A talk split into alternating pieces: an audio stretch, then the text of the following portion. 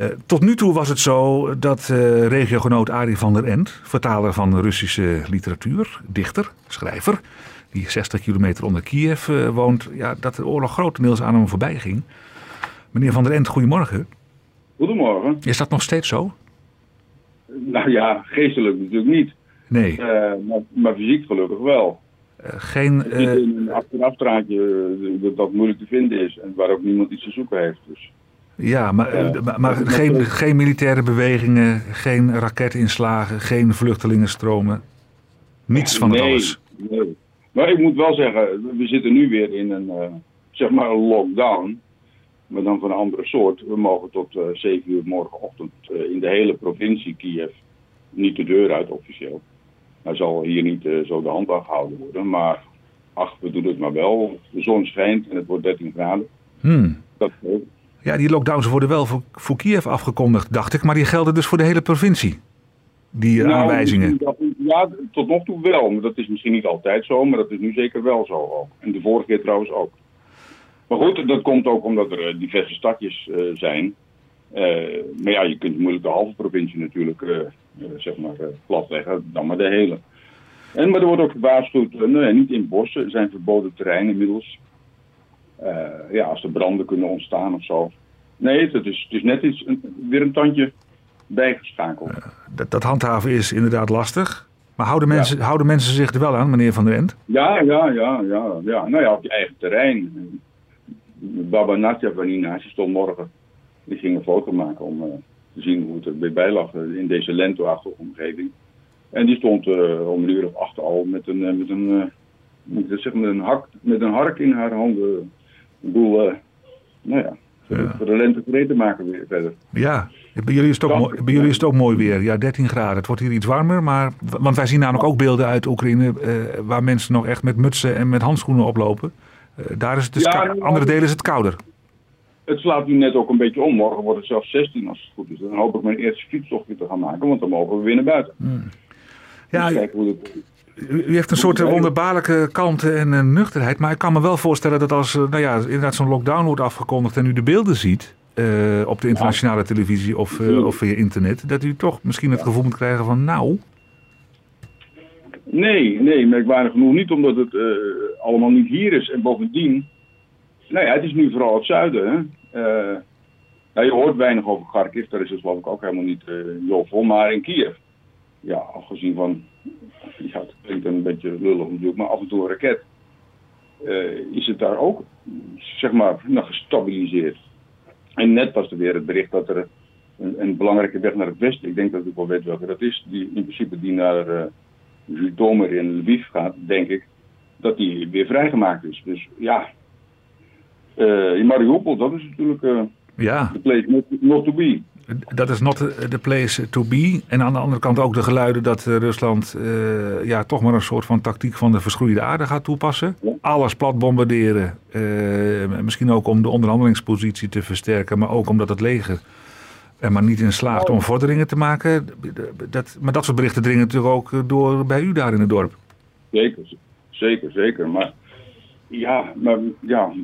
Nee, ik, ik, ik, ik vrees eerder voor dat het internationaliseert je leest berichten dat, dat men, nou niet per se verwacht, maar uh, een, een cyberaanval op de Verenigde Staten bijvoorbeeld. En uh, dat moordcommando dat onderschept zou zijn uh, in Oezgrad, dat ligt met de grens van Hongarije. En ik vertrouw Orbán eerlijk gezegd ook helemaal niet. Mm. misschien is Hongarije wel een bruggenhoofd voor als het... meteen op dag twee waren er al berichten dat Hongaarse troepen naar de grens gingen met Oekraïne ja, later werd het geduid als, uh, als de vluchtelingenstromen in goede banen leiden. Maar ik zou er, als ik de NAVO was, op letten. En ik hoop dat de NAVO eerlijk gezegd donderdag besluit om er, om er iets aan te doen. Wat zou de NAVO dan moeten besluiten? Want het is wel op eieren lopen natuurlijk. Voor je het weet uh, begint de derde wereldoorlog. Ja, maar die begint toch wel een keer. Is dat zo? Dat spreken. Nou, ik, ik geloof ik heb pas het boek uh, Poetins Democratuur van Boris Rijtschuschter uitgelezen, gisteren om precies te zijn. En dan staat er, dat is in 2015 met een update op 2018. Uh, maar in 2006, 2008 was het allemaal al precies hetzelfde als het nu is. Met Georgië, met Moldavië, met uh, daarna de Krim en de Donbass. Hij heeft het eigenlijk bij wijze van spreken van de daken geschreeuwd. En vergeet niet, de eerste eis was dat, dat ook dat heel Oost-Europa gedemilitariseerd moest worden. Dus dat is Polen, dat is Roemenië, dat is, dat is Slowakije. Dus ik denk dat op een gegeven moment de NAVO er niet onder. Er is trouwens een geluid dat, dat individuele landen het recht zouden krijgen om in te grijpen. Dus misschien. Uh, en ik denk dat. trouwens, dat is wel interessant. Diezelfde communicatieproblemen binnen het Russische leger die waren in 2008 ook al precies hetzelfde. Ze moesten gewoon met telefoons. Uh, en dat is nu, 14 jaar later, nog steeds zo. Dat Russische leger wordt geweldig overschat. Behalve dus de dingen waar ze toe in staat willen zijn. Nou ja, die, kun je niet, die kun je niet overschatten zelfs. Die brute, die brute vuurkracht. Uh, bijvoorbeeld, ja. de, overigens, overigens, meneer Van den Ente wordt ook wel gewaarschuwd, ook door Biden, dat uh, Moskou uh, chemische wapens overweegt in te zetten of biologische wapens. En Biden heeft volgens mij ook gezegd dat Amerikaanse bedrijven rekening moeten houden met Russische hekpogingen. Maar, ik heb, maar, maar, ik heb Biden niet horen zeggen dat zijn voor mij rode lijnen. bijvoorbeeld als er een chemisch wapen wordt ingezet. Dat ja. Eh, in de zin van, als, als dat gebeurt, dan zijn wij betrokken bij deze oorlog, want dat staan wij niet toe. Ik vind niet dat je alles ook van tevoren hoeft te zeggen, eerlijk gezegd. Ik hoop dat er achter, dus achter allerlei schermen hard gewerkt wordt. Hmm. A, aan de schermen van Zelensky en B, aan het omleggen van Poetin. Ja. Even terug naar uw eigen situatie, meneer Van der End. Uh, ja, ik heb het wel een mooi gedicht, eh, als ik daar straks mag mee eindigen. zeker, maar ik wil nog wel even weten, meneer Van der End. De vluchtelingenstroom ja, neemt gewoon toe. Dat, de, in die zin kan ja, maar toch minder hard, volgens mij, of niet? Sorry? Volgens mij minder hard. Nou ja, nog steeds uh, ja, meer dan 3 miljoen mensen. Uh, en, je moet, en je moet ook wel weg kunnen komen natuurlijk. Maar ik wilde, maar ik wilde vragen, ja, in uw dorpje, eh, ik vraag het elke week, dus ook nu weer. Zijn, zijn de mensen vertrokken? Nou, dat weet ik eerlijk gezegd niet, omdat wij zo in de achterafstraat zitten. En ik eigenlijk, ja, ook een, ja, ik ben nu toch een vreemdeling. En ik moet zeggen, in het, in het, net voordat het uitbrak, toen was ik helemaal niet op de hoogte van wat dat precies betekende, zo'n avondklok en zo'n uh, commandantske jas, hoe heet dat, curfew. Dus ik liep vrolijk te fotograferen. En toen kwamen de mensen van naar me toe van, nou ja, die dacht al half dat ik een, een diversant was. Iemand die met sabotage bezig was op het hmm. buitenland. Mm. Uh, nou, dat werd wel een goede baan geleid, maar nou ja. En ze hadden, ze hadden op zich ook gelijk. Alleen ik was totaal niet op de hoogte van dat, wat dat betekende. Mm. Een curfew. Stel dat u weg zou willen, meneer Van den End, heeft u nog steeds een auto met een volle benzinetank bij het huis ja, staan? volle benzinetank, ja. En, ja, ja. En, en, is de weg naar de grens ook nog steeds begaanbaar voor u, voor zover u weet? Ja, ja, zeker wel. Ja. Ja, ja, je moet af en toe slalommen tussen blokposten door natuurlijk. Mm Maar uh, jawel, jawel, jawel. En waar gaat u dan de grens over als het uh, ooit zover zou, uh, zou komen? Polen?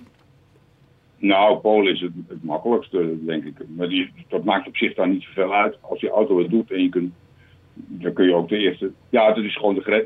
Normaal ja. gesproken 6, 7 uur rijden naar, naar Lviv en dan... dat is gewoon de snelste weg. Juist. Nou ja, maar u heeft al eerder gezegd, ook in deze uitzending, uh, ik ben niet van plan om weg te gaan. En dat is nog steeds zo. Volgende week spreken we. Oké. Okay. Hopelijk in vrede. Uh, laten wij afsluiten dan, uh, meneer Van der Ent, met uw gedicht. Gaat u gang. Armageddon 29, voor mijn dochter Vera en gezin. Wat zien we uit naar jullie komst? Een beetje wandelen en fietsen, kamperen, wandelen en nietsen. Het kan u niet. Dat is het stomst. Want eerst moet het nog vrede worden. Een einde aan de woeste plagen. De zon gaan schijnen alle dagen, de vijand weg, de hele horde. Dan gaan we ook in Kiev kijken. Dan gaan we zwemmen in de Dnieper, naar Vasilkiv toe, want je hebt er een prachtig dal, dat zal wel blijken.